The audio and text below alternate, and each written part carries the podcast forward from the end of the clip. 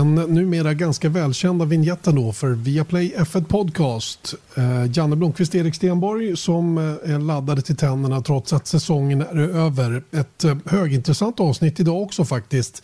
Där vi eh, bland annat då naturligtvis ska prata om att Sergio Perez blev den som Red Bull då valde för nästa säsong tillsammans med Max Verstappen. Ut med Alex Albon, in med Sergio Perez. Vi ska prata lite grann eh, Nikita Mazepin. Ni har väl inte missat den här eh, mindre lyckade videon som han eh, publicerade som blev väldigt omdiskuterad och med inte så bra material på. Då. Och det här har ju varit en stor snackis. Skulle han få behålla sin plats i teamet och så vidare. Vi ska försöka reda ut begreppen idag. Och sen har vi en jättelång härlig intervju med Felix Rosenqvist där ni som lyssnar har varit med och hjälpt till och ställt frågorna. Eller hur Erik Stenborg? Det stämmer bra det, det stämmer bra. Eh, och eh, ska vi börja med Peres direkt då? För det kommer bli ett ganska långt avsnitt här. Ja, det är väl lika bra att beta av det på en gång. Eh, Sergio Perez då som, eh, ja, det gick rykten om det redan eh, i, på söndagen efter racet i Abu Dhabi att de var väldigt nära att, eh, att uh, signa på och när man har sett bilder i efterhand när de har tagit bilder tillsammans, Marco Christian Horner och Sergio Perez så, så verkar det onekligen som att de tog de där bilderna i just Abu Dhabi. Ja, de har ju lyckats identifiera gardinerna på W Hotel. Alltså det är det där äh, hotellet som man liksom kör under. Som ligger mitt i marinan där på Jas Marina Circuit. Så att, äh, det var ju där det hände helt enkelt. Kort och gott ja, på det viset. Och ähm, ja, det är inte så mycket att säga om det valet egentligen. Äh, vi, vi gick ju igenom för och nackdelar med att välja det ena eller det andra senast. Men nu när Perez har fått den här chansen då, då så får vi, det, det, det, blir snarast intressant att se vad han kan göra av den här möjligheten som han nu får. Ja, det känns ju som att förutom då att det är kul att se Perez få stanna kvar i Formel 1 så, så säger det en del. Det kan ju bli så att vi får facit på eh, hur bra är egentligen Gasly, hur bra egentligen är Albon och hur bra egentligen är Perez. Och kanske någonting, hur bra är Verstappen egentligen? Mm. För det är ju de här liksom, variablerna man har att jobba med. Det, Sergio Perez är ju inte den fjärde bästa föraren på, i startfältet så att säga då, men, men eh, han, han, är ju tillräckligt bra för att ta den här positionen då. Och det är väl ingen tvekan om att han fortfarande kommer att vara en slags nummer två i det där teamet som man nu ansluter till. I alla fall enligt mitt sätt att se på det. Hans jobb är att vara närmare Max Verstappen förstås och eh, hjälpa till att, att störa Mercedes då i jakten på att kanske vinna konstruktörs-VM igen då för första gången sedan 2013. Mm. Men det, ja, jag håller med dig om den saken. Det är, det är ju eh, såklart att det är så. Sen så finns ju alltid chansen att det är klart att det är en kortsiktig lösning först och främst med Perez. För att vad vi vet så är det bara ett ettårskontrakt och sen så tror jag att de håller sina liksom, möjligheter öppna inför 2022. Ta tillbaka Albon eller promota Gasly eller vad det nu kan tänkas vara, Sunoda. Eh, men grejen är ju då för, för, för Peres sida är ju att han har faktiskt chansen att visa vad han går för. Och går det jättebra, då kan han ju göra ytterligare en sån här omöjlig situation som Christian Horner kallade det. Att han, Christian Horner sa att det var omöjligt att ignorera det Peres hade gjort under året. Lyckas han göra det igen nästa år.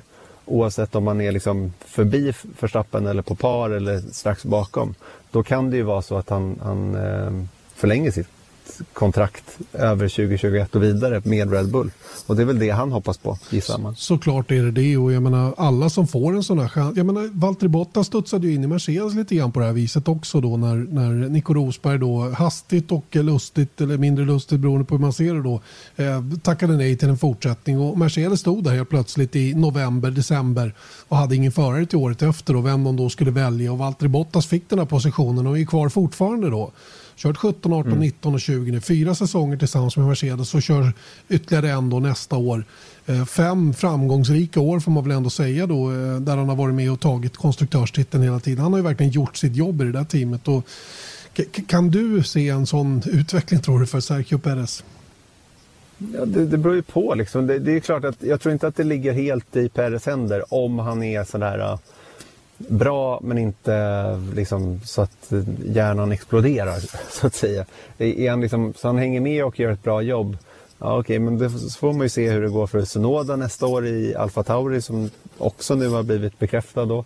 Eh, jag menar, visar han sig vara ett stjärnskott så, um, så kan det ju vara slut för Perez av den anledningen ändå. Eller om det kommer, dyker upp någon, någon sån här uh, underbarn någon annanstans ifrån. Så jag tror att det är svårt att säga om Eh, 2022 redan nu och jag tror inte att det är liksom Peres, det, det, det, är liksom inte hela världen för honom. Men det är klart att han vill göra jättebra jobb nästa år. För det är klart att det stärker hans aktier.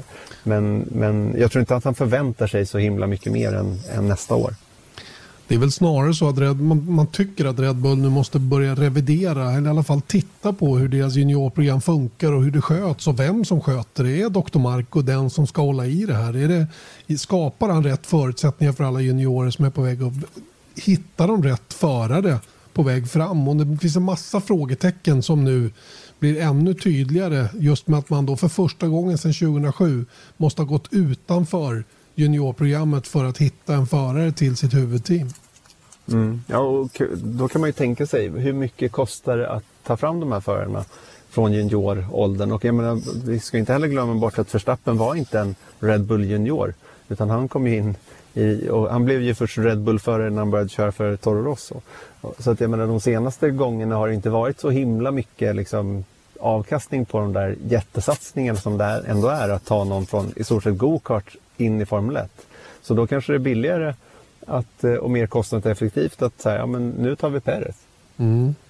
Ja, det är en intressant situation minst sagt och eh, jag vet att det är många som är glada givetvis att Perez får chansen att fortsätta då. Man är ju man kan rent känslomässigt känna för en sån som Albon men att han åker ut eh, tycker jag är på något sätt rättvist. Han har inte nått upp till den nivån där han borde ha varit och då får man helt enkelt stiga åt sidan. Och det var ju som han själv sa när han uttalade sig att eh, jag ska inte ljuga, det gör ont sa han. Men eh, jag har inte gett upp och han finns kvar i organisationen och öppnar upp en ny möjlighet att komma tillbaka så kanske han får den. Även om jag tror att den är ganska slim den chansen för hans del att komma tillbaka i Formel 1 igen för att um, han har helt enkelt inte imponerat och han imponerade ju egentligen inte innan han kom in i Formel 1 heller. Det var ju första andra året i F2 som, som han sprattlade till och, och visade, uh, visade Red Bull att han var en, en förare att satsa på.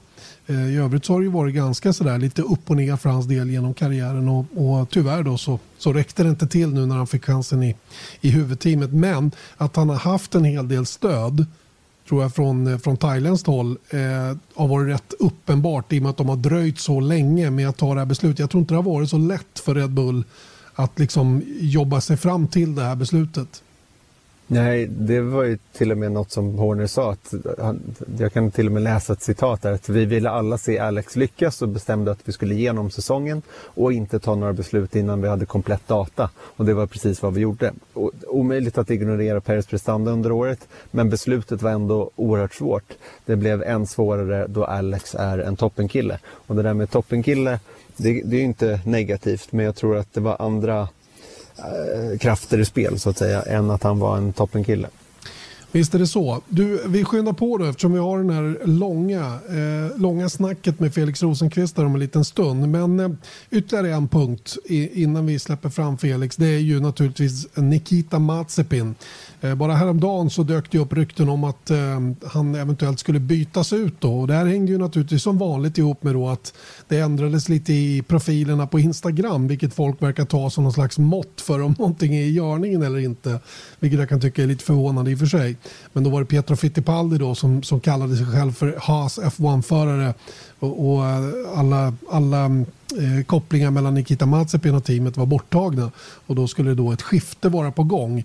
Eh, och, eh, man blir ju lite fundersam när rykten dök upp så att jag tog kontakt med en person som jag vet har bra insyn i det här. Eh, han heter Jonas Hyttel och jobbar på, på en dansk tidning då som har, som har följt Eh, Haas-teamet under många år. Han tog sig tid att verkligen dubbelkolla de här uppgifterna. Eh, Jonas Hyttel, you're a journalist at the Extrabladet in, in Denmark, and you have been following the, the Haas team very closely for the for uh, for many years now, especially with with Kevin Magnussen driving for the team.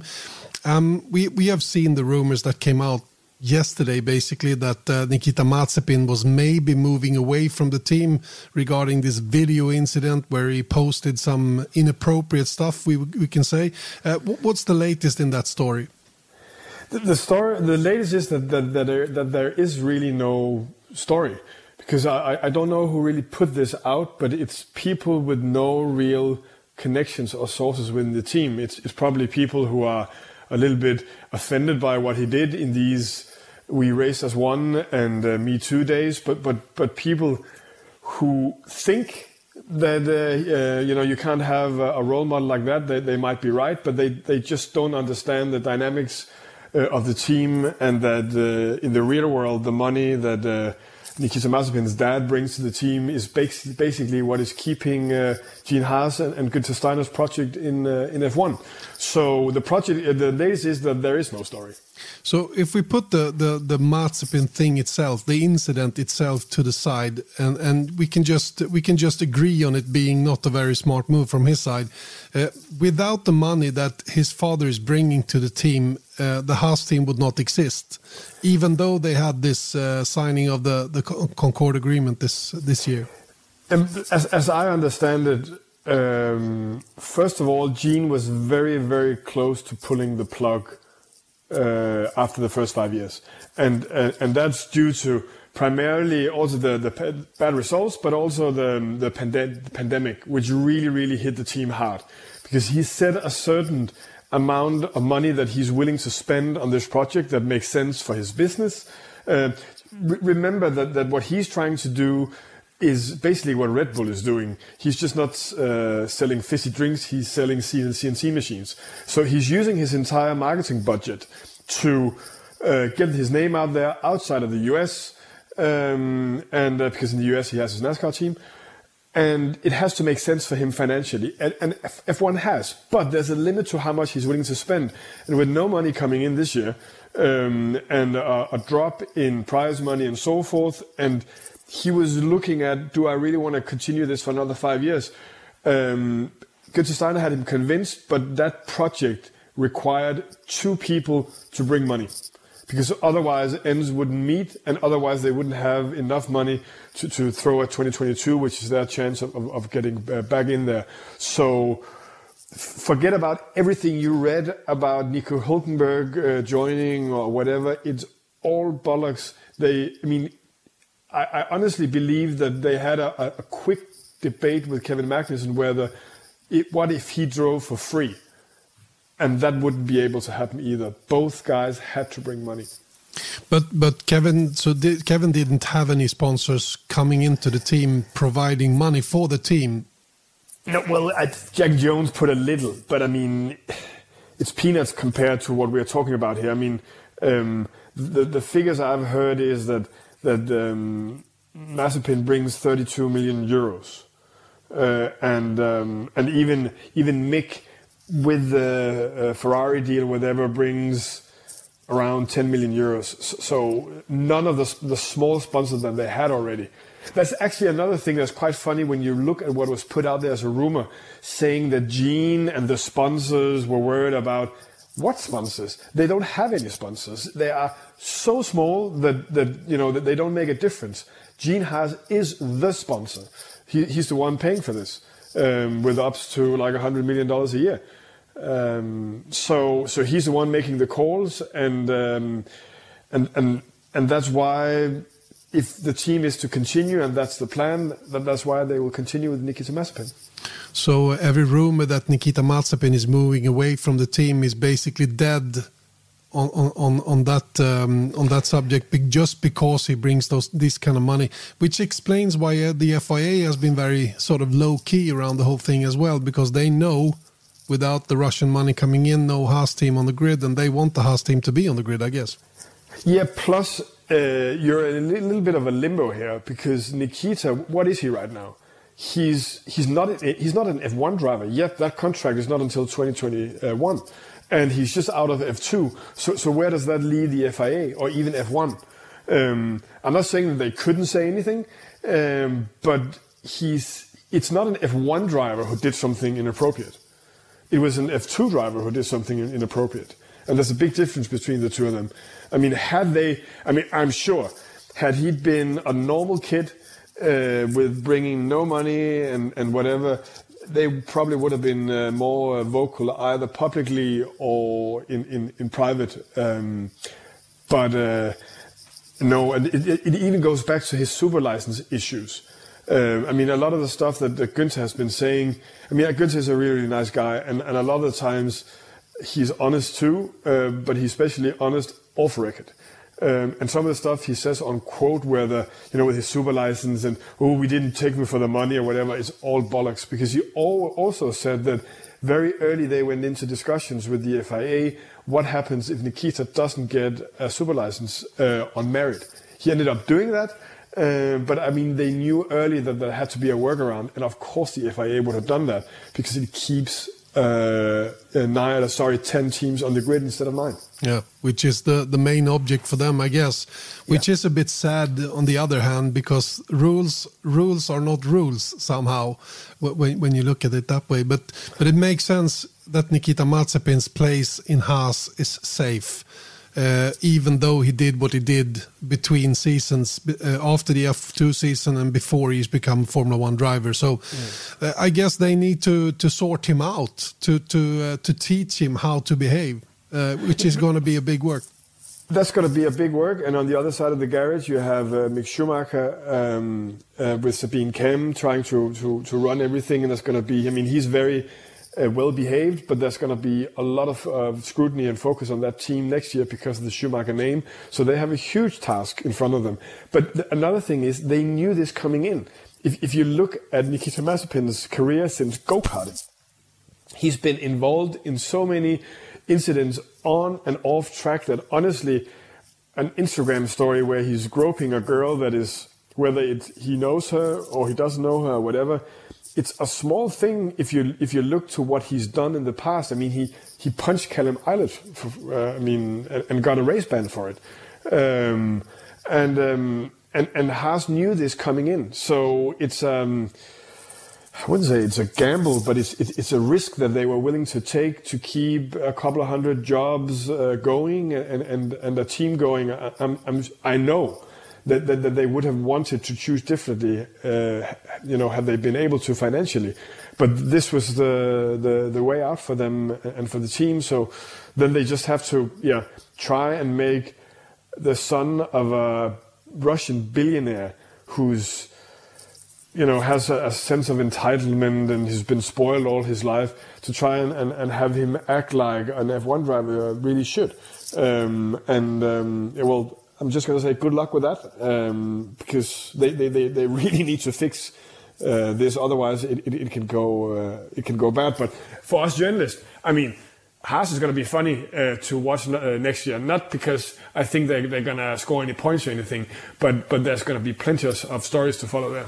It, it seems also like the team is is um, is uh, tightening their relationship with Ferrari. Simon Resta is coming in as uh, yeah. he was a chassis development uh, engineer, whatever, or responsible for it at Ferrari. He's been with Alfa Romeo when when Charles Leclerc came in. Now he's moving to Haas when Mick Schumacher is coming in. I guess the, the, the relationship with Ferrari will also tighten up, and, and, and that also makes this team quite interesting. And hopefully, the Ferrari engine is, is a bit better next year than it was this year. Yeah, for sure. Uh, but I mean, they haven't developed the car at all uh, this year, so even though there are you know the tweaks that they're doing um, to the to the aero uh, uh rigs, they will be they will be slow next year. I mean, the, a, a quicker engine will help them for sure, uh, but all their focus is on uh, 2022 and um, and and another thing. I mean, you mentioned the the the, the tightening um, uh, grip. It, it's this is also a little bit of speculation, but uh, but it's also it, it, it's it's not something I, I, I pull out of thin air. The interesting thing is why did Mick go to to Alfa Romeo and, and to Fred Vasseur, which would be the, the normal place. And I'm quite sure, and I know there's, there's been talks there as well. Will they continue with a Ferrari engine? Are they going to a Renault engine instead? Is Vasseur trying to keep every option open? That's very interesting. So Ferrari probably chooses to tighten the the, um, the relationship with um, with Haas instead because there they know that they can guarantee a future for for uh, for Mick. Yeah. Um, for as long so, as he needs to stay there. Yeah, I mean, he needs to stay there at least two years. Yeah, yeah, for sure. Um, can, can, next year is a learning year, and next year they will be slow. I mean, they, I think they will lose to Williams. Can you see uh, Mazepin, the, the father of Ma Nikita Mazepin, Dimitri's name is, yeah? Yeah. Yeah. Can you see him buying the whole Haas team in the future? I mean, that's really a question for him, but uh, but yes, I mean, he was trying to buy Racing Point. He's run high tech.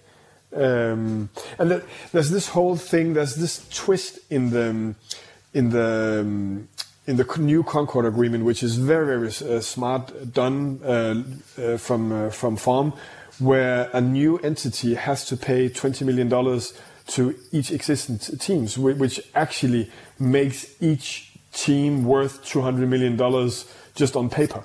Um, so that's another reason for Gene wanting to, to stay in so you don't throw away uh, uh, that money. And this could be a way, should Mazepin really want to go into F1, to like slowly take it over or become a bigger shareholder or, uh, or, or whatever. So, yes, I could see that happening. But let's see how Nikita behaves there because one thing is I mean, we all have our, our opinions on the uh, dear Lance Stroll, and, and he's slowly developing into to um, an okay driver, but he has uh, had a lot more time uh, than others. He he's just boring to me, and and and um, but Nikita can be controversial, so that, there's a difference between the two of them. Jonas Hyttel där, alltså på Extrabladet i Danmark som som sagt har bra insyn i, i hela den här historien och, och pekar på de viktiga sakerna. Jag tror inte man ska, man ska inte skena iväg för mycket över det som skrivs på, skrivs på sociala medier. Nej, uppenbarligen inte. Och jag tror att eh, det mycket väl kan stämma det som han säger här och jag, jag tror att eh, det som jag tycker är nästan mest intressant är just den där grejen att, vilket vi var lite kort inne på i förra veckans podd, var just att så här, vad kan Fia göra här egentligen? Jag menar det är inte någonting som har hänt under en racehelg.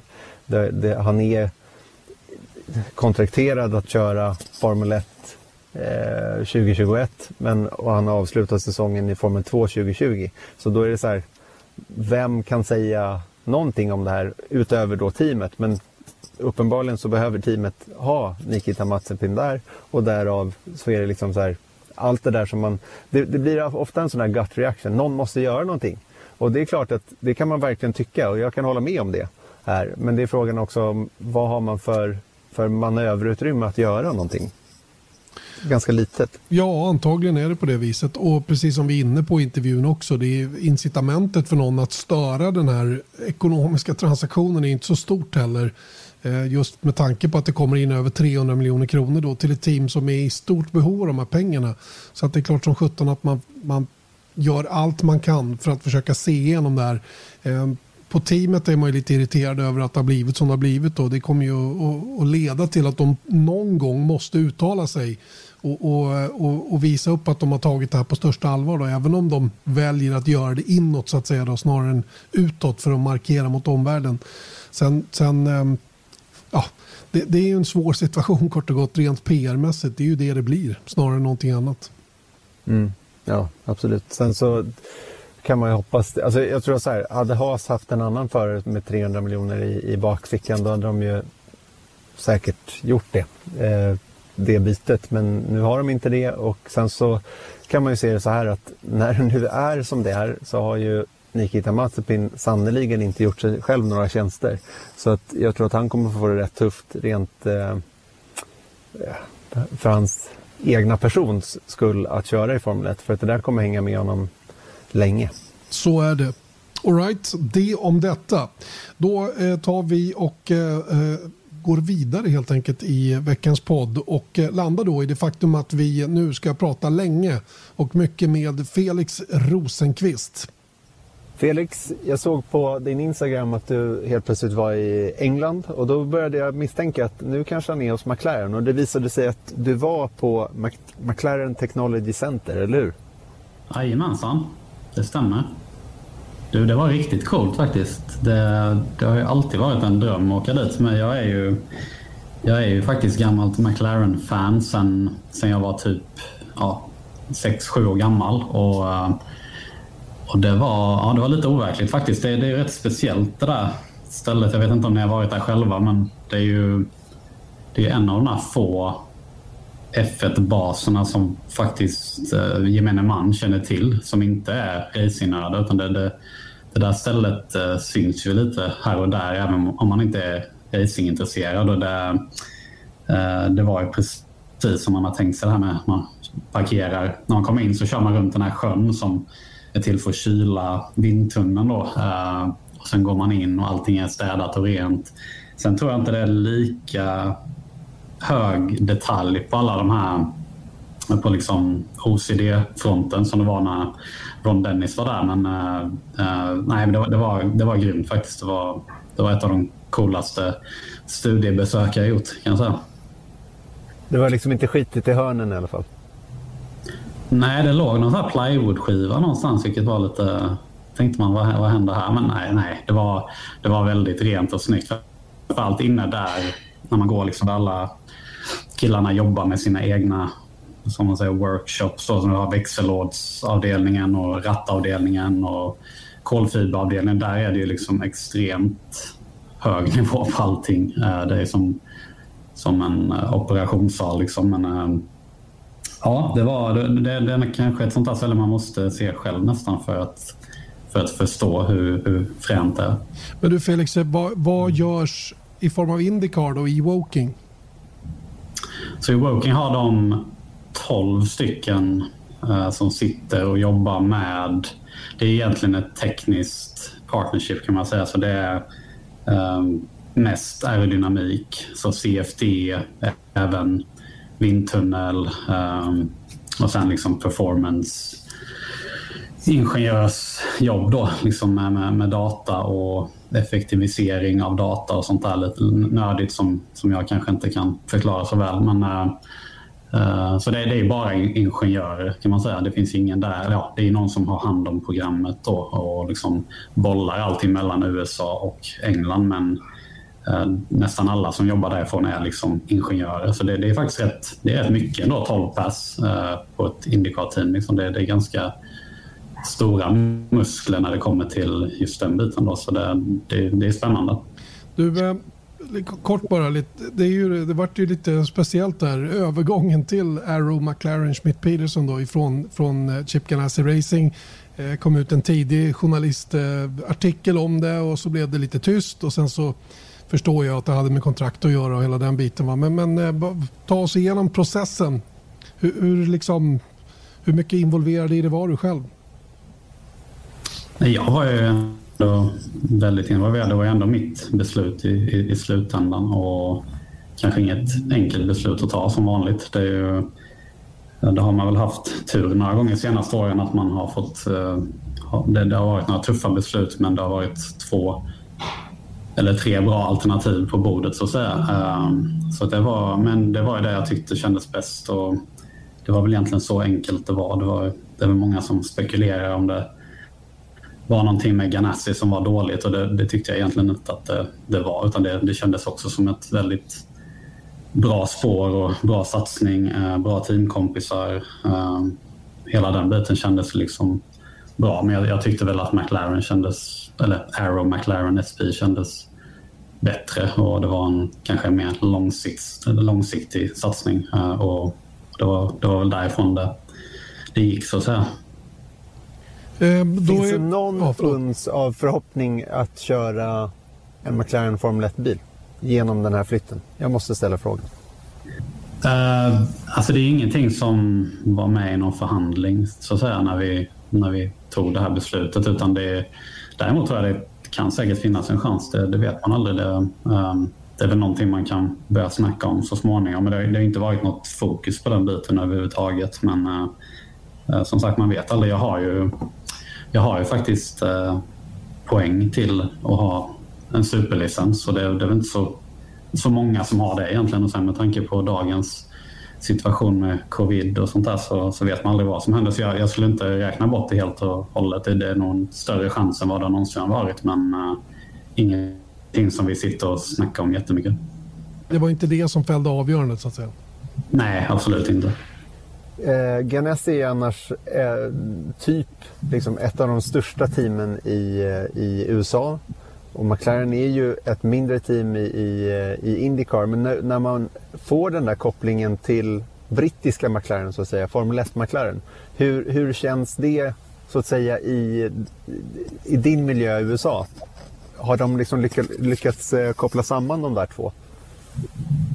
Det har ju varit en process som de faktiskt för en gång skulle inte ha underskattat. Utan det, det är ju svårt att koppla ihop. Eh, om du har ett tight team i USA som har jobbat ihop i flera år och sen ska du koppla ihop det med massa britter som sitter på andra sidan Atlanten i en annan tidszon så är det, det är självklart ingenting som är enkelt. Det är, det är olika kulturer, det är olika egon som blandas samman. Uh, däremot tror jag det har gått väldigt bra. Det har nog gått bättre än vad någon kunde tänka sig och det där har ju tagit egentligen ja, ett år innan det liksom har fått... Jag tror inte de har fått så mycket tillbaks i förra året utan förra året var det mer liksom en integrationsprocess. Och nu, men nu däremot tror jag verkligen att det kommer ge någonting och den, den länken har verkligen blivit starkare och, och kommer bli ännu starkare. Um, men det är som sagt det är aldrig enkelt framförallt. Alltså, Indycar är ändå på den nivån där det, det är inte som F1 där du bara liksom behöver en massa ingenjörer som sitter och jobbar på en specifik sak. Du, du, du har så lite folk så det krävs att varenda individ kan massa saker och kan kommunicera och det, det, det blir en helt annan... Det, det kräver egentligen en, en mer komplett person som du anlitar för ett Indycar-team än ett F1-team på så sätt. Uh, och därför är det svårare att hitta rätt folk och så vidare. Så att, uh, det, det, ska man absolut inte underskatta men, men, i det här fallet tror jag de har gjort ett väldigt bra jobb som, som det känns i alla fall när man var hälsade på. Det ska bli spännande att följa nu fortsättningen då där andra året då som, som en del av McLaren-organisationen i alla fall och spännande att se vilket, vilket steg ni kan ta då. Eh, du och Pat Ward som det kommer att vara då en, en kille som eh, har fått mycket lovord eh, var ju fyra i mästerskapet förra året. Hur ser du på honom som teamkamrat? Eh, kommer ju inte bli någon lätt kille att liksom bolla runt eller köra förbi hur som helst. Ni hade ju en fight förra året. Ja, precis. Uh, nej, han känns väldigt vass faktiskt. Han, uh, han är ju en av de riktigt stora unga talangerna som har kommit upp. Liksom, han, han var ju Red Bulls juniorprogram och jag tror faktiskt han hade en sits på gång där som uh, inte blev av till slut.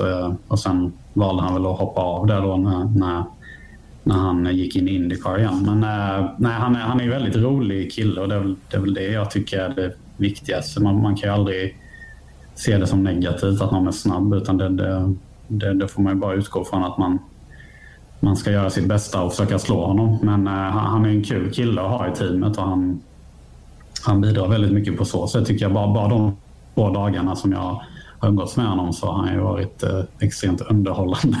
Han är sån som skojar runt och pratar hela tiden och liksom får en att känna sig rätt hemma direkt. Och det, det är kul. Det, det påminner lite mer om när man körde F3 sådär när man var lite yngre. Att det, det, nu, nu för tiden när man är lite äldre så har man liksom ett liv utanför racing. Men Pater är väldigt mycket så här bara liksom 100%, procent racing och det, det är rätt kul att se. Man, man, jag tror det, där, där kan man lära sig lite och liksom få tillbaks lite mer av den glöden man hade när man var hans ålder. Och, eh, som sagt, väldigt, väldigt snabb. Det, det, där, där tror jag absolut han, det blir ingen lätt match. Och sen McLaren har ju blivit lite grann av det, det, det goa, glada gänget i Formel 1 också. Det är kanske något som spelar över på Indycar också då? Ja, men det tycker jag. Det är nog mer en slump egentligen, men det, det tycker jag verkligen att det är. Det, det, är ett väldigt kul gäng. Det är ju som sagt ett mindre team än Ganassi, men uh, väldigt mycket energi. Uh, händer någonting hela tiden. Lite mer skämt och bus skulle jag vilja säga. Uh, när man bara känner hur det är i teamet på plats då. Vilket jag tycker är jättekul. Så att, det, det, är någon helt annan atmosfär än, än Ganassi på, på gott och ont. Det blir det alltid. Men jag, jag tycker det är uppfriskande och kul. Eh, Erik, vi har ju förberett lite frågor, är det inte så? Ja, men precis. Vi har eh, satt ihop med hjälp av eh, er, många av er lyssnare eh, har skickat in väldigt roliga frågor och därav blir det väldigt spretiga frågor också. Och då har vi valt att kalla det här det fyndiga namnet Spretuläret. Oj. Det gick ganska fort när jag försökte komma ihåg, när jag försökte komma på ett namn. Ja men det är bra. Spretuläret, det funkar ja. alla dagar i veckan. Ja, men eh, vi kan väl köra lite varannan fråga sådär. Janne och sen så, så kanske vi fastnar någonstans och så får vi göra det helt enkelt. Vi kör det är på. öppen sluttid där, eller hur? Ja, ja, ja absolut. Det är, det är Felix tid som begränsar. Oj. Nej, men han, det är öppen slut. han ska inte köra förrän i mars. sant, sant. Förvisso sant. Alright Erik, kör igång då. All right. ja. ja, Vad har du för favoritfilm, Felix? Uh, jag skulle säga Lock, Stock and Two Smoking Barrels. Väldigt bra film. Brittisk uh, Guy, dark humor. Det är roligt. Guy Ritchie. En klassiker. Jajamensan. Okej, okay, Lockstock and two smoking barrels. Jag undrar om jag har sett den, men det har jag nog. Jag kommer ihåg också att den var rolig, så jag, jag köper det. Favoritfärg då? Uh, blå. Ah, inte orange och svart alltså? papaya heter det. Glöm inte det. Nej, just det. Papaya heter det. Stämmer. Papaya. Eh, blå. Okej, okay, varför blå då? Nej, jag vet inte. Himlen är blå. Himlen är trevlig. du, du körde en blå bil förra året också. Ja, den, den var väldigt snygg faktiskt. Mm, det var den. Det var den. var väldigt fin. Det här är nästan en fråga som vi inte ens behöver ställa, men vi gör det ändå eftersom alla ska få samma. Vilket F1-stall håller du på? McLaren. Åh oh, fan, mm. vilken skräll. Nej, men det, det sa du ju faktiskt att du gjorde redan innan. Ja, det är det faktiskt. Och jag, kan, jag kan faktiskt skicka över en bild som är bevis på detta från 2008. Den sitter utan tröja och McLaren-keps. Perfekt. Den kommer att ligga på vår Facebook. Ingen tvekan. Ja, nej, men att det är McLaren det kan man... Eh, det, det sa du ju som sagt redan innan då, innan du kom dit. Eh, Okej, okay, du får göra en tidsresa för att tävla i Formel 1. Vilken säsong åker du tillbaka till och vilket stall kör du för? Den sista frågan den behöver vi kanske inte ha med då. Men vilket, vilken säsong åker du tillbaka till? Uh, jag skulle nog ändå vilja säga typ 2007 kanske. Så pass alltså? Mm. Ja, ja men det, det, var häftigt tycker jag. Det var ändå då man var liksom i, man var ung, man var väldigt taggad på att komma till Formel 1 och så. Det var ju liksom verkligen ens ja, idoler som körde och det var, det var så häftigt att kolla på. Man följde varenda race och uh, Nej, det var, det var coolt på den tiden så det, det hade jag nog sagt. Bilarna såg väldigt kul ut att köra framförallt och det, det är väl det viktigaste. Jag har ju kört den 2007 så att jag menar, jag vet ju exakt. Nej, skämt åsido. Erik? Men, men jag gissar att du kör för McLaren då, eller? Ja, McLaren, ja det får vi ändå säga. De var rätt, de, det var då de förlorade mot Räikkönen dock. Mm. En de var poäng. väldigt snabba, de var snygga de bilarna. De, de var riktigt coola. Eh, ska jag vara ärlig så vem, trodde vem petar jag... undan då? Är, är det Hamilton eller eh, Alonso som du, du tar styrningen ifrån? Mm. Jag tar nog Alonsos då. Ja, varför inte? Men jag, Aha, jag, roligare han Lewis som teamkompis tror jag. Jag trodde ärligt talat att du skulle backa typ till 90 eh, eller sådär. Köra McLaren 90 eller 91 eller eh, i den ja. eran när Senna körde. Det hade också varit fantastiskt men nej. Jag, jag, nej, jag, jag kollar liksom inte på den eran så att det, det blir liksom inte lika lätt att relatera till på, på något sätt. Då kör vi nästa fråga. Om, om du var en bil då? Om du skulle likna dig själv alltså vid en bil. Eh, vilken bil skulle det vara? Alltså, så, som Janne, han, han är ju en eh, Toyota... Porsche Cayenne. Eh, jag höll, på att säga, jag höll på att säga Toyota Land Rover, men det, det, det finns ju inte.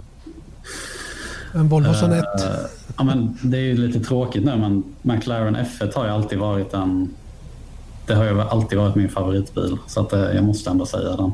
Det, så mycket minnen, så mycket glädje med den bilen. Även fast jag aldrig har kört den, men jag har sett den många gånger och jag har tagit extremt många bilder på den. Jag hade en sån här digitalkamera, eller pappa hade en digitalkamera när jag var typ precis när de kom, 9-10 år gammal. Och då tömde jag ett helt sånt minne på Tom Bryant, om ni vet om det Han hade tre stycken McLaren och en av dem såg jag på Falkenberg. Och då tog jag bild, alltså jag hade typ bilder på avgasröret, på backspeglarna, på inuti, eh, lyserna, alla luftintag. Det var helt, jag var helt besatt av den där bilen så att, eh, det är enkelt svar. Det, det, det, står väl en sån, det står väl en sån inne i receptionen där på MTC, en orange?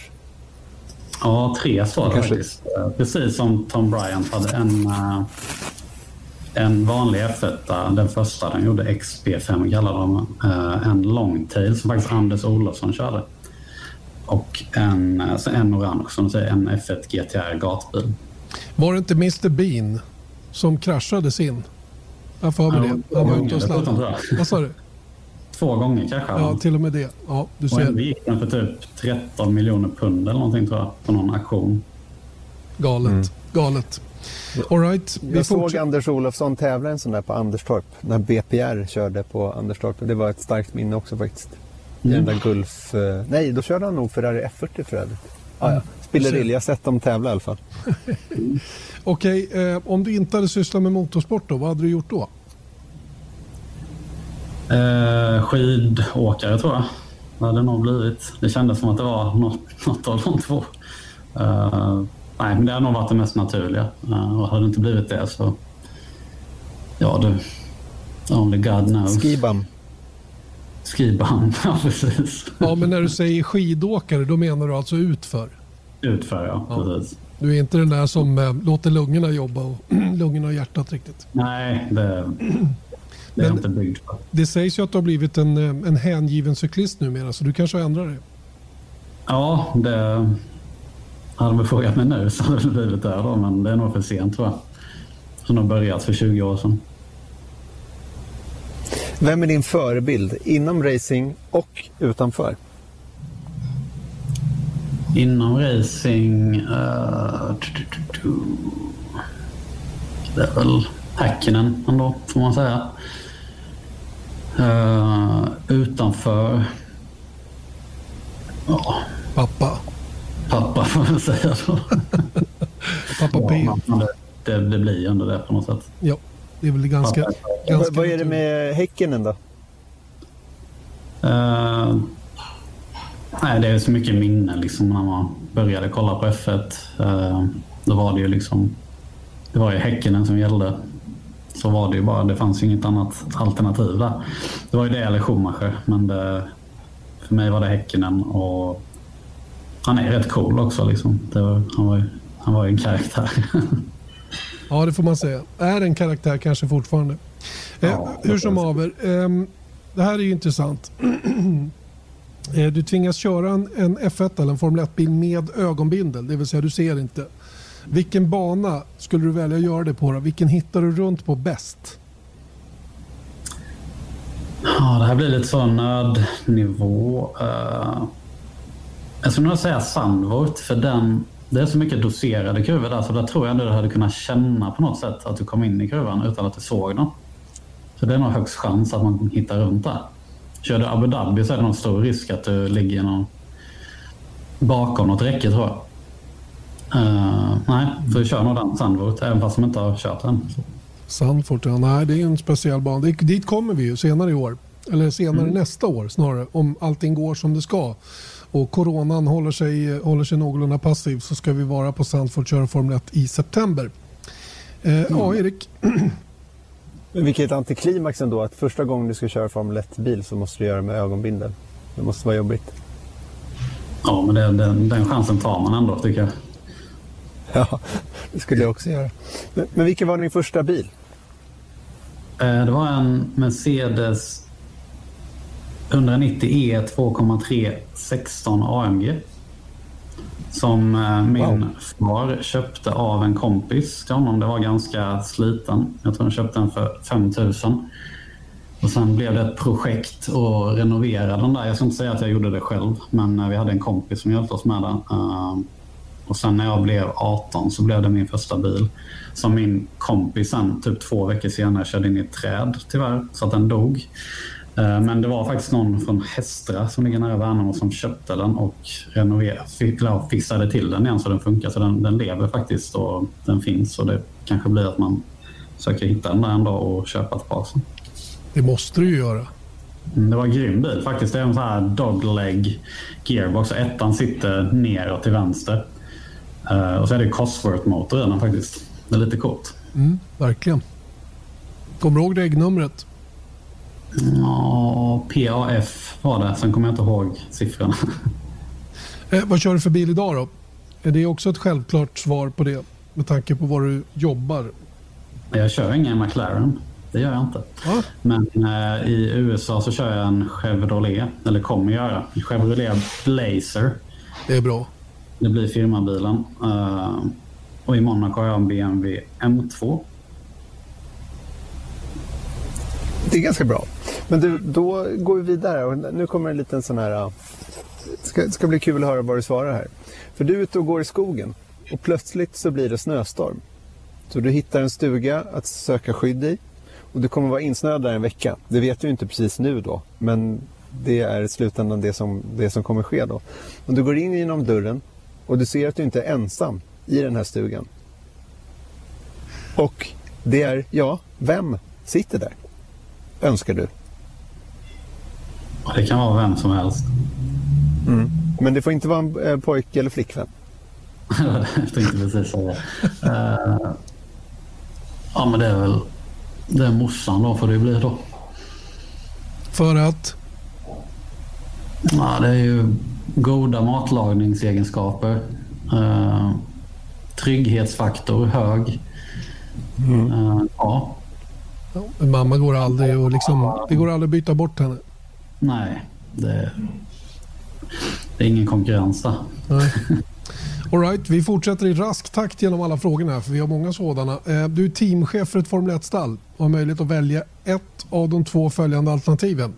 En grym förare i en medioker bil eller en medioker förare i en grym bil.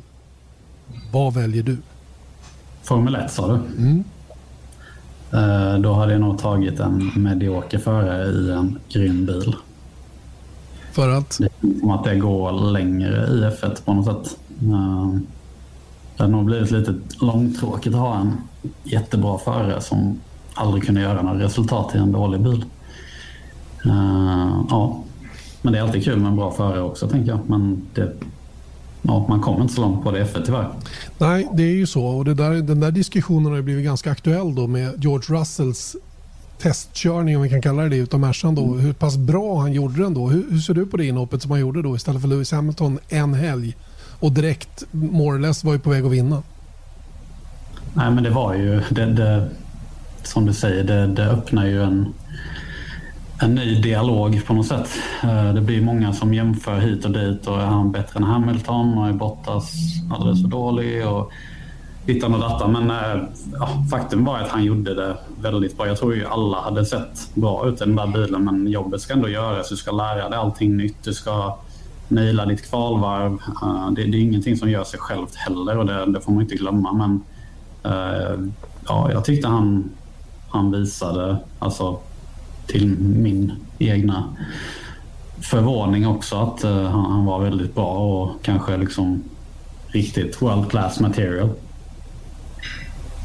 Men om man vänder på den där frågan då. Om du istället är teamchef i Indycar eftersom det är det där du kör skulle du ta en, en grym förare i en medioker bil? För det finns ju ändå mediokra bilar i Indycar trots att det är en entypsklass. Hur, hur skulle du välja där?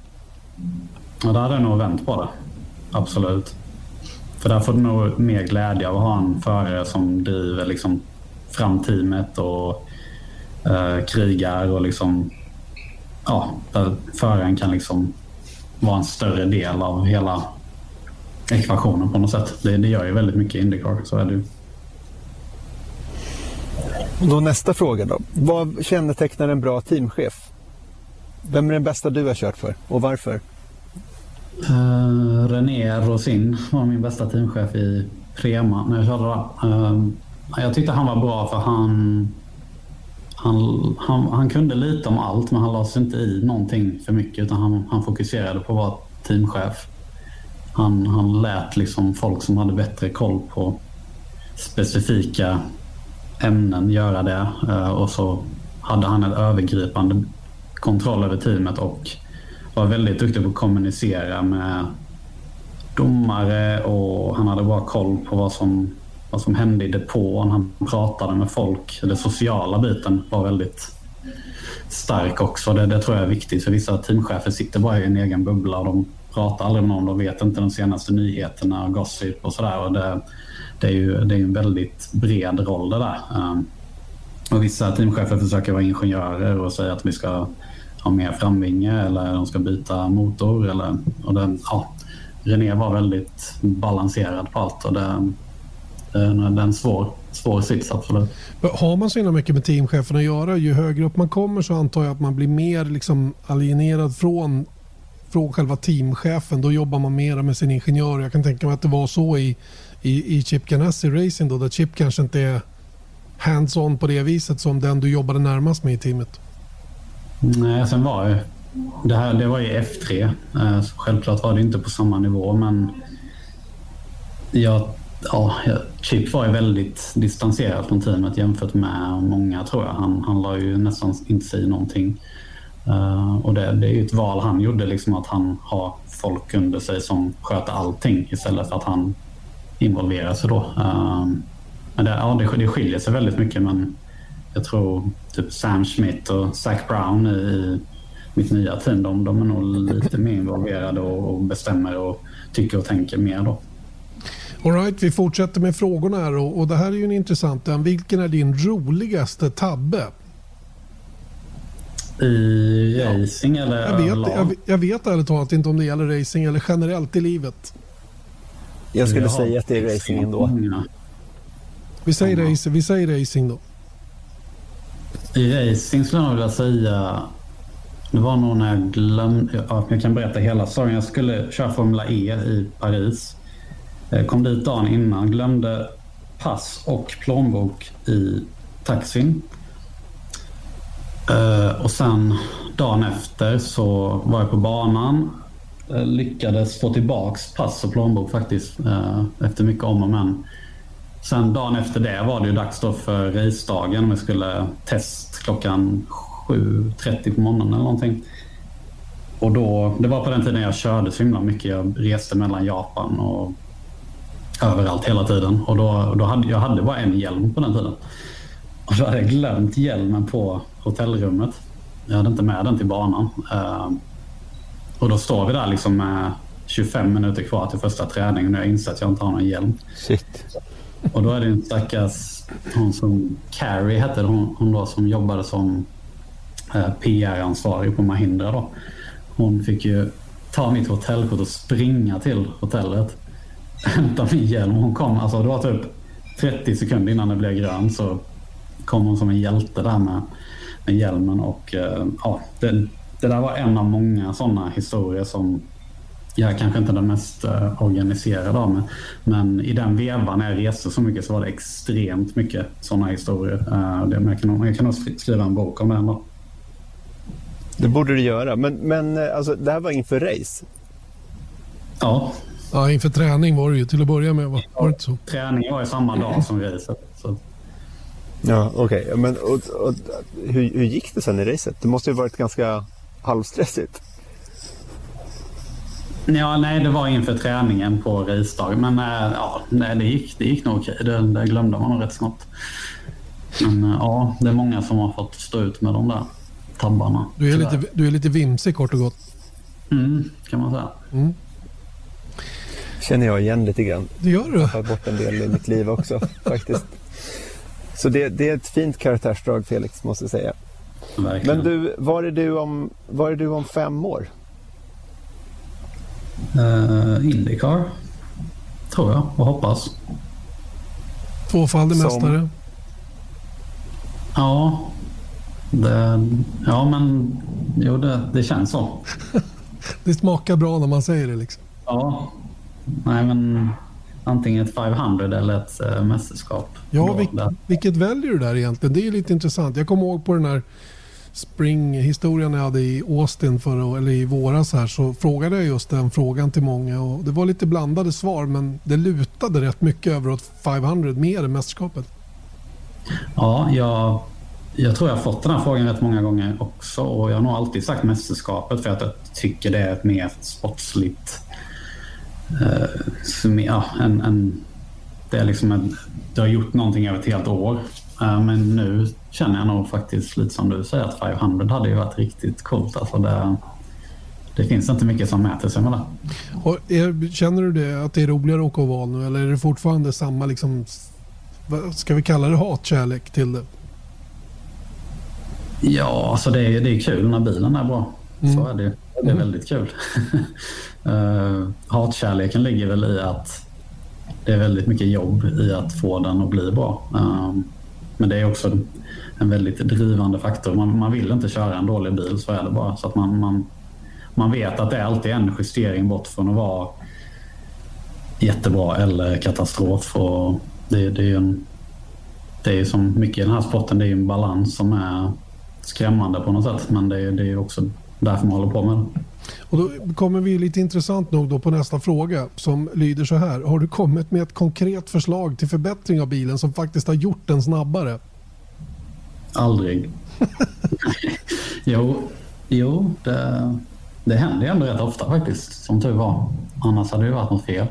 Men eh, det händer nog inte så ofta som folk tror, utan det kan ju gå ja, flera, alltså du kan räkna ihop fem, sex, sju testdagar där du bara liksom har gått i cirklar och du tror att du, du är på rätt spår.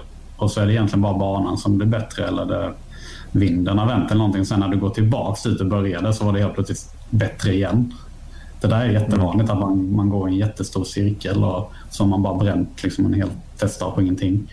Um, men det finns ju också inget annat sätt att göra det på. Man måste ju vara väldigt uh, scientific så att säga och, och, testa back to back to back allting då innan man kan dra en conclusion. Och sen kanske när du kommer tillbaks på samma bana på ett race då, då är det helt andra förutsättningar för då är det 10 grader varmare och det, det är Porsche Cup kör innan och de har Michelin-gummi och då sätter de ett annat gummi i backen och så har det en påverkan så att det, ja, det kan vara väldigt frustrerande där och det, det, det är sällan man hittar saker som är liksom så golden ja, gyllene magic lap time.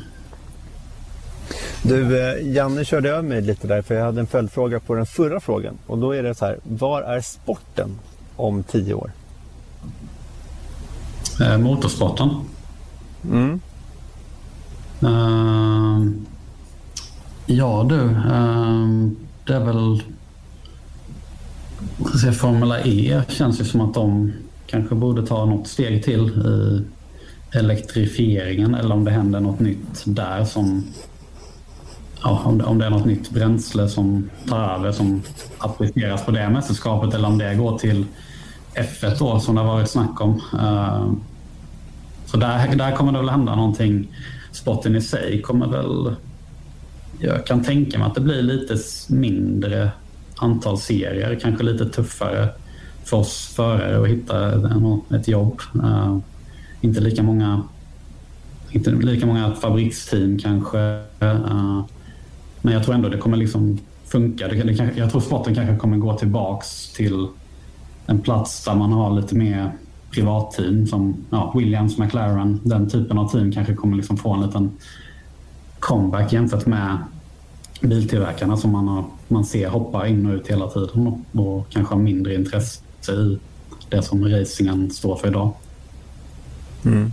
Jag fick faktiskt ett eh, mejl från Fia i förra veckan eh, där det står att de har levererat de första tunnorna av Sustainable Fuel som är gjort mm. från då bio Bio-waste and developed to stringent F1 specifications. Och det ska de då börja köra med nästa år då, som jag förstår det. Eh, och då, genom det då ska de bli carbon neutral från eh, nästa år. Och sen då net zero eh, från 2030. Mm, det är, det är väldigt kul om det kan funka och de, de tar det steget på riktigt. Då är det ju fantastiskt. Erik, du har nästa fråga också. Ja, det har jag. Eh, du får välja vilken teamkompis som helst i hela världen att ha till nästa säsong. Vem väljer du? Daniel Ros, min gamla Formel Renault teamkompis. Vi hade extremt kul tillsammans. Det var, det var nog det roligaste året jag någonsin haft. Och vi var ju yngre då såklart, men äh, han är jag tycker Pato påminner faktiskt lite om honom. Det är väldigt mycket skoj och bus och roliga klipp på telefonen. Och det är liksom inte en lugn stund. Och, nej, vi, vi, hade, vi hade sjukt kul ihop. Det, det hade varit roligt med en reunion där. Han har ju gått och blivit mästerkock nu har jag förstått. Och eh, ni var ju, träffades ju bara häromdagen. Mm. Lite wagyu steak där uppe i Sundsvall. Det var trevligt. Mm. Smakar bra. Sånt kan man mm. leva av.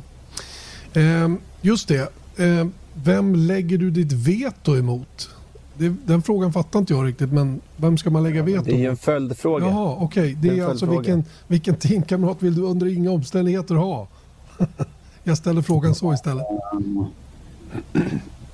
Ska man bara lyssna på vad folk säger så är det väl typ Alonso eller Hamilton som man inte vill ha som teamkompis. Men ja, det kanske, det kanske var förr i tiden det var så. Jag, jag vet inte om det har någon jättestor om de är så politiskt involverade eller om det bara är en skröna. Så där. Men det, det, har man ju hört mycket snack om att det är ingen som vill sitta jämte dem. Sen Verstappen verkar ju vara så pass bra så att man det verkar inte vara någon som kan slå honom så där kanske man får passa sig också. Jag vet inte. Men om vi bortser från de sportsliga bitarna. Det finns ju människor som man inte tycker om och du har ju garanterat hört en massa om olika förare runt om i världen. Den där tänker du, den där ska jag aldrig någonsin umgås eller köra ihop med. Finns det någon sån? Kanske inte vill droppa släng, det släng, släng någon under bussen. Ja, kom igen ja, ja, Nej, egentligen inte tror jag inte. Jag... Daniel Ros. Daniel Ros ja, jag, jag, fattar om du inte vill svara på den frågan. Det är helt okej. Okay. Mm. Men du, då en, en, ganska stor fråga. Men det är ju så, vi vet ju din karriär, hur du tog dig liksom fram till en väldigt hög nivå eh, inom Indycar just nu då och då tänker man liksom lite på hur den svenska bilsporten hjälper unga förare framåt. Så då kommer frågan här att hur ska svensk bilsport agera för att skapa bättre förutsättningar för unga förare att lyckas internationellt? Vad saknade du till exempel? Uh, jag tyckte ändå jag fick rätt bra hjälp på den tiden. Men uh, alltså pengar är alltid någonting som behövs och det är jättesvårt. Det, det är ju enorma pengar. Och då är det alltid ett snack om det ska vara spetsfokus eller om man ska fokusera för att alla får lika. Uh, vilket, ja det är jättetuffa beslut men jag tycker väl att kontaktnät är viktigt och det, det kanske inte finns någon som riktigt har haft den positionen där de, de känner team och förare och hör det senaste går i depåerna. Det är, det är väldigt få personer som har den liksom, möjligheten. Det är typ Eje Elg, Stefan Johansson, min manager, eh, Rickard Rydell kanske.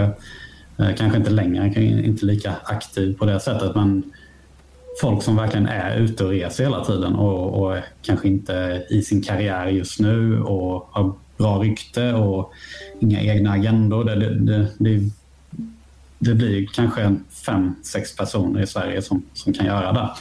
Eh, och sen i sin tur då så måste man ju försöka få ihop svenska företag och, och om man inte kan supporta med pengarna själv från licensavgifter så, så får man ju försöka hitta dem på ett annat sätt. Och, ja, jättetufft men det, det är väl där det helst skulle vara. Men jag, jag, jag, vet nog inte heller något annat land som har lyckats med det. Jag tror Belgien var rätt duktiga ett tag med Stoffel van Dorn.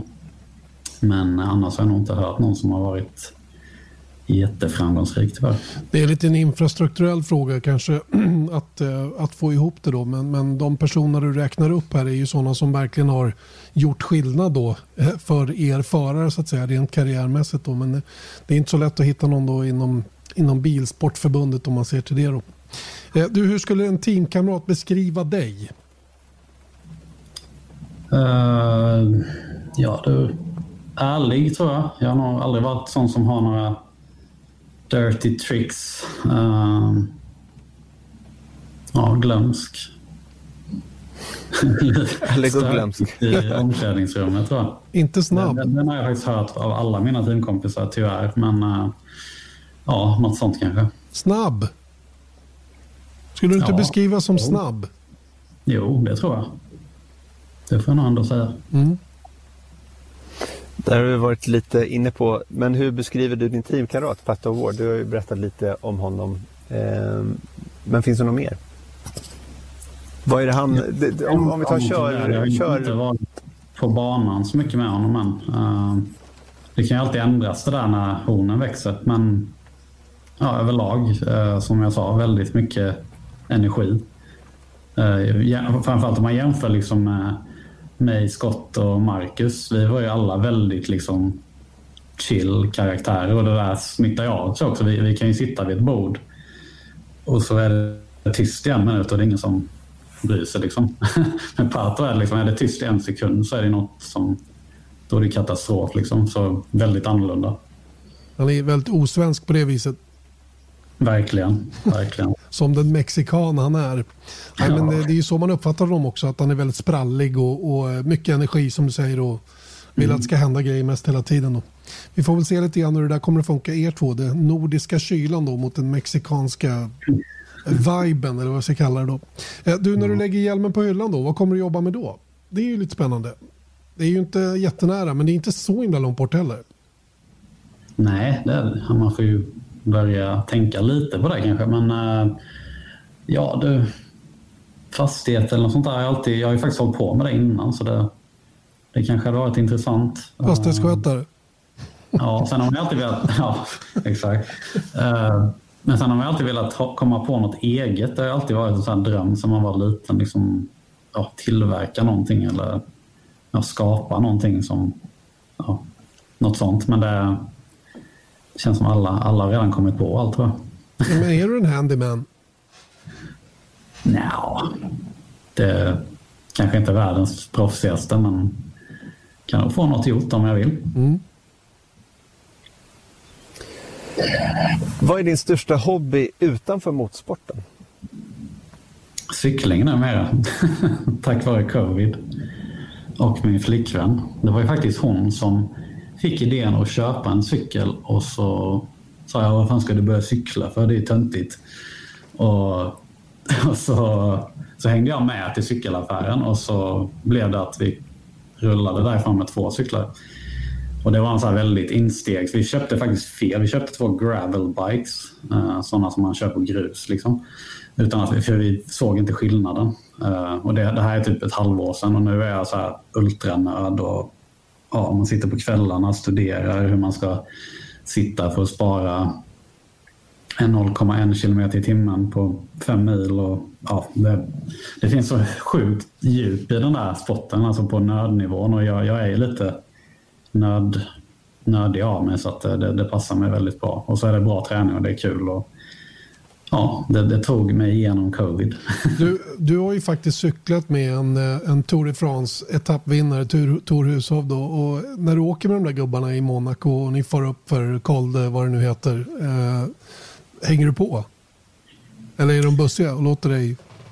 Ja, alltså det är det som är lite kul med cykling. För de som är proffs, de, kör, man tror gärna att de kör max hela tiden. Att de ligger liksom ladda racetempo, men det gör de inte utan de, de vill ju bara ha in timmar. Så om de ligger på chilltempo som ändå är jättebra träning för dem och så kan jag pressa mig till blodsmak i munnen då, då, då kör man ändå på samma tempo. Men såklart hade han, eller hade någon av dem laddat allt vad de kan, då, då, är det, då snackar vi ju flera minuter skillnad. Men det, det är kul sport så, för nästan alla kan hänga med oberoende på hur, hur, hur fit man är. Man kan alltid ligga bakom också i slipstreamen och då, då behöver man inte göra lika mycket. Så nej. Att, eh, nej, det är skitkul. Det brukar funka. Men eh, du är ingen 44 i snittkille på en fem timmars runda? Nej, det tror jag inte. Inte än? Uh, jag, Marcus och Scott hade någon runda förra året. Jag tror vi gjorde 36 på, på två, tre timmar eller någonting. Men Ja, man behöver en Janne Blomqvist som ligger och drar längst fram. Då, då kanske vi kan komma upp i 40. Ja, det tror jag inte. Snarare 25. Jag, jag, jag ska skryta lite att jag cyklade för, för ett antal år sedan från Åre till Stockholm på fyra dagar och under den tiden, det var 72 mil, vi höll 36 i snitt. Det var fan bra. Och det var fem, jag tror det var fem eller sex pers. Då var det nordlig vind då? Nej, det var inte. Eller ja, det var det säkert. Det var säkert. Nej, det regnade mycket. Det, ja. Det, det, är helt, det där är helt sjukt Erik, det ni gjorde den gången faktiskt. Nu åkte ni inte 72 mil på en dag, men på den här etappen och hålla 36 i snitt på alla de milen, det är helt fantastiskt. Jag förstår ingenting. Det är imponerande. Jag låg ganska långt bak i kön, kan jag säga. Ehm, berätta om när du utsattes eller utsatte någon annan för ett practical joke inom racing. Oh, det, det, jag tror hälften av dem får jag nog inte säga. Men, alltså det är så pass? Det, ja, men... Äh, ja, jag, han Roy Nisani som var min teamkompis. Han fick lite blöta använda racingunderkläder i hjälmen någon gång. Det, det, var, det, det, var mycket sånt det året, kommer jag ihåg. Det var mycket så här, hänga upp kallingarna på pokaler och på hjälmar och i skorna och grejer. Så att, ja, det var riktigt sånt. Riktigt grabbår.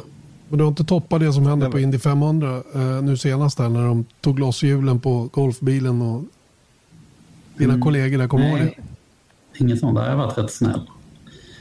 Men det har varit mer så här nötande över lång tid. Uh, ja. Då får du nu välja vilken bil som helst och på vilken bana som helst och dundra runt där bäst du vill. Vilken kombo väljer du? Oj. Det kan vara en racerbil eller en vanlig bil.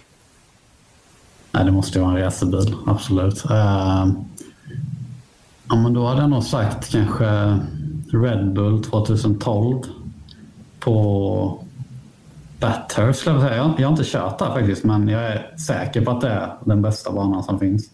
Så att uh, de två. Mount Panorama. Ja, det kan nog vara en, en hisnande upplevelse. Det är ju väldigt mycket upp och ner där. Och just mm. den Red Bull-bilen var ju hyggligt snabb också. Ja, men den såg så skön ut att köra. Det var, liksom, det var som en F3 som var bara uppspeedat nästan. Fast forward. Nej, det var, det var grymt. Fettel-eran va? Just det.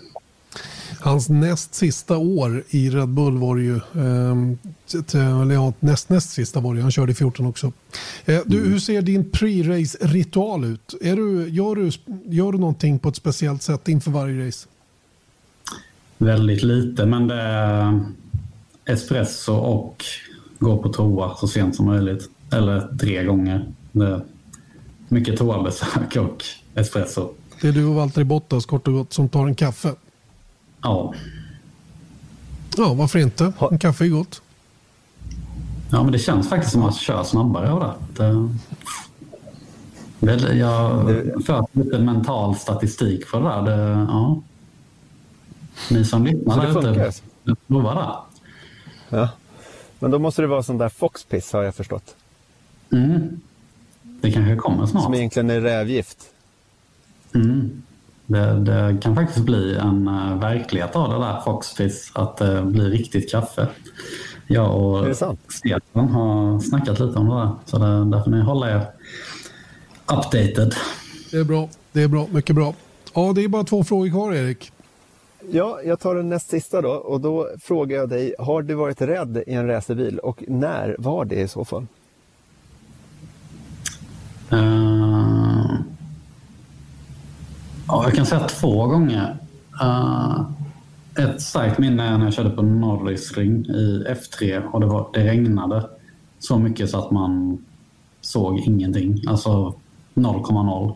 Och den banan är bara två långa raksträckor kan man säga och en chikan på bakrakan.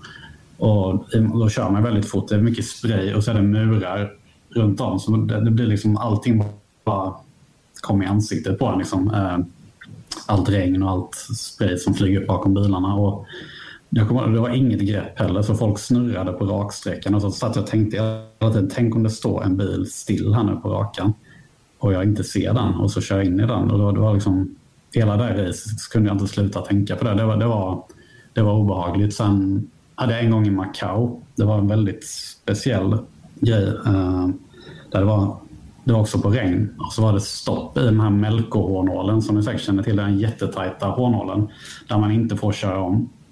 Så hade det blivit någon som parkerade där och blockerade banan. Och I den kurvan är det alltid gul flagg. Men eh, jag missuppfattade det här. Eh, så jag trodde att Alltså det var, det var gul flagg på steringen innan, men jag trodde att det var den vanliga gulflaggen som alltid var. Så att jag kom i full kareta där och så så går det som en vänster höger och sen öppnade upp inför den här hårnålen. Där var det bara totalt stopp. Det stod typ 20 bilar där. Och där kom jag i typ, jag måste ha haft kanske 120 blås så körde jag in i en stillastående bil då, Marco Asmer. Uh, och jag var under hans bil. Alltså det var en sån enorm krock. Uh, men i alla fall, jag till slut så ja, parkerade bilen och så medan jag klättrade ut så såg jag att det var en bil som kom på väg in i min bil och det var Kevin Magnusson. Så jag stod på, på chassit på min bil och skulle sätta i ratten och hoppade bort från bilen när Kevin kom och körde in i min bil.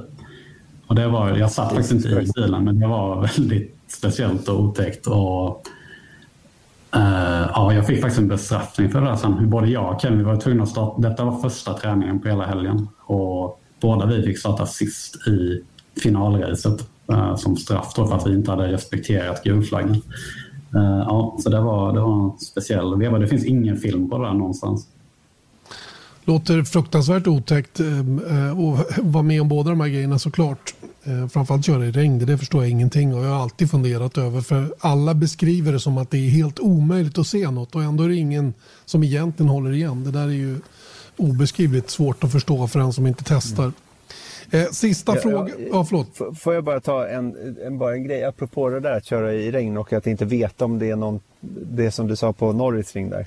Att det är bara en grej som jag kan få lite så här chills av fortfarande är när Eje Älg berättade en story på Le Mans att han åker på natten och det regnar som fan eh, på Mulsandrakan och det var ju när de bara körde liksom rakt fram, det fanns inga chikaner där. Och då berättar han att han liksom vattenplanar av, snurrar runt typ 3-4 varv och sen så bara när han kommer till stopp så lägger han i ettan igen och drar iväg. Och sen så typ efter tre sekunder så får han känslan av att shit, jag är på väg åt fel håll. Att han liksom eh, in, att han liksom körde full gas liksom mot trafiken. Sen var det inte så också, men då sa han att det var en av de gångerna som han har blivit riktigt, riktigt rädd över vad som höll på att hända. Så jag, jag, tycker också det där med regn verkar fruktansvärt. Mycket, mycket otäckt. Sista frågan då Felix, som är då äh, inget som du har något svar på egentligen, men du kan ju få gissa. Vem vinner Formel 1 VM 2021? Uh, Max Verstappen. Ja, du tror det? Yes. Ja, ja, det är intressant om det skulle bli på det viset. Eh, Lewis Hamilton har ju för det första inte skrivit på något kontrakt än. Vad tror du om det? Kommer han att göra det tror du? Eller vad, vad är din teori om varför det dröjer? Jag vet inte. Tror du att han vill ha mer uh, pengar eller är det andra saker han vill ha? Jag har förstått det som att han vill ha någon ambassadörsroll eller att de ska göra någonting tillsammans med ja, det här med liksom equal Black Lives Matter var han väldigt liksom involverad i hela den biten. Det känns som att han försöker få ihop någonting där kanske. Uh, eller så är det pengar, ja, jag vet inte. Alltså det är, han har ju så fruktansvärt mycket pengar redan. ja, men uh, nej, jag, jag, vet inte. Det är intressant, men jag tror absolut att han kommer att vara tillbaka. Det, det hade ju varit extremt skumt om han inte gjorde det. det jag, jag förväntar mig att han kör många år till. Mm.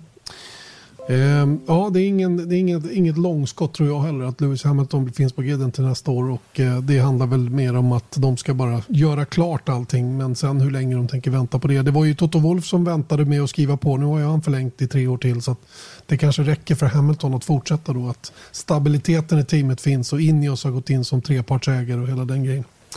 Eh, bra Felix, då vet vi. Eh, jag ser att din eh, högerhand fortfarande är eh, paketerad. Eh, hur är det med näven egentligen? Den du gjorde dig illa på, eh, vad var det? Det var på Harvest Grand Prix Race 2 va? Precis, så det var ju länge sedan nu. Um, ehm, nej men det, den är ju läkt. Jag hade ju en liten fraktur men den, den är okej. Men det är två leder som är lite, lite skadade då, så de, det tar väldigt lång tid att läka och nu har jag på mig den här då så den ska vara still i, ja, fram till testen nästan. Uh, i den 18 januari. Då. Uh, så förhoppningsvis så kommer det vara fine. Då. Problemet är med, med leder och sånt där att det, det läker inte om man inte låter det vara. Utan det, varenda gång det gör ont så, så börjar det nästan om på nytt hela tiden. Så att uh, man får bara vara, ja, ha tålamod och sen, sen förhoppningsvis är det klart sen då. Men det, det, är inte så illa som det ser ut. Det är inte det att den är helt av. Utan uh, den ska bara vara in one place ett tag. Mm. Och eh, hur firar du jul? Vart är du någonstans nu till att börja med? Eh, Malmö är jag nu hos mor och far. Eh, så det blir, det blir här över jul då. Mm. Lugnt, lugnt och skönt, inga större planer faktiskt. Bara ta det lugnt. Och när bär iväg till USA då? Jag har förstått att det här med visum är inte helt lätt att få till eh, till nästa år igen. Då. Ni ska ju ha någon slags arbetsvisa då i USA och situationen där borta är ju lite prekär just nu då med anledning av corona. Ja, det har det varit hela tiden egentligen. Eh, det var ju ja, det är sådana här sjuka väntetider på allting med visum men det, jag tror inte det är något jättestort problem. Eh, så länge det går flyg bort hit så är jag inte orolig men eh, ja, det är ju såklart en stress hela tiden där att hålla på. Att man måste åka hem någon gång och då kanske det är någon gång man ska ha någon test eller man ska göra något annat. Så att, ja, allt är mäckigt men, men det part of the game. Det, jag, tror, jag tror det kommer lösa sig bra. Låter bra det. Något att tillägga Erik? Erik han har somnat. Nej, bara önska god jul och eh, ja, alltså jag får nog ta om det där. För mm. att eh, det är så himla lång delay nu så att det är inte sant. Okej. Okay.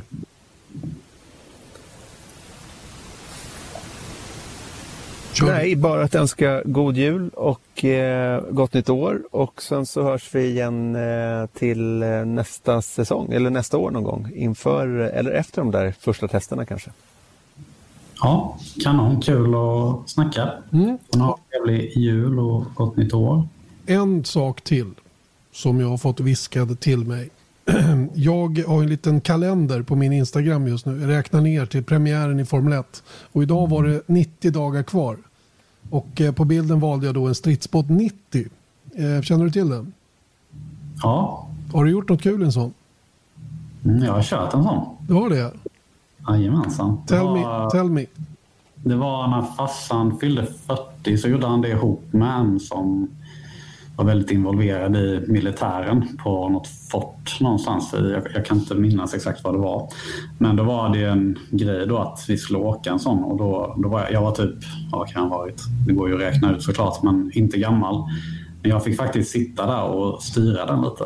Uh, det var riktigt coolt. Mm. Och den, den, den kan ju typ vända på Alltså du kan köra i typ 40 knop och sen bara vända totalt åt andra hållet som en jetski typ. Just. Uh, fast den väger några ton då istället för... Nej, det var, det var skitcoolt. Det var, kommer man alltid minnas. Det kan jag tänka mig. Du, hälsa mamma och pappa eh, så himla mycket och önskar dem god jul också så hoppas jag att vi hörs snart igen. Jajamän, ska jag göra. Hälsa alla så hörs vi. Hej hej! Ha det gott! Hej! Ja, det var Felix det. Han verkar vara på gott humör. Firar jul hemma i Malmö med mamma och pappa och ja, livet känns rätt så bra. Är, är, du förvånad över hur han, hur han går igenom det här med flytten till McLaren och hur han såg på det? Nej, tycker jag inte. Dels att man kanske har läst en del om det och, och hört en del redan innan. Men, men jag tycker att eh, det, det, finns en logik i det. Sen så kanske det inte är den mest tydliga sådan.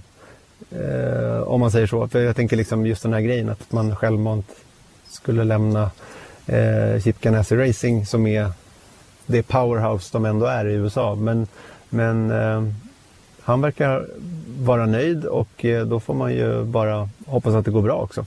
Ja, vi pratar ju om magkänsla många gånger och det är väl det han har gått på delvis här och naturligtvis en massa fakta också givetvis då att det här teamet är på väg upp och just samarbetet med McLaren i Woking är ju också intressant att höra om då att det är faktiskt en hel del som ändå görs i England runt omkring vad man sen har nytta av då i, i USA när vi kommer till Indycar-säsongen. Som för övrigt drar igång då den 7 mars med eh, premiären i St. Petersburg, Florida. Hoppas vi. Det är väl bäst mm. att tillägga. Det finns inga garantier för någonting just nu. Va? Men, men eh, om, om allting vill, eh, vill sig väl och det blåser åt rätt håll och är medvind och, och allting så, så kommer premiären i Indycar att starta den 7 mars. Eh, vi stannar inte eh, mer än för idag, eller hur Erik? Eh, tack för den här podden, alla ni som har varit med och vi är tillbaka om en vecka igen. Då, är det, då har vi passerat julafton. Får vi se om du har fått några fina klappar. Mm, det hoppas jag verkligen. Och jag hoppas att alla ni som lyssnar eh, också får fina klappar och en fin eh, högtidsstund i denna svåra tid. Så är det. Fint sagt. Vi, har, vi hörs om en vecka. Det gör vi. Hej då! Hej!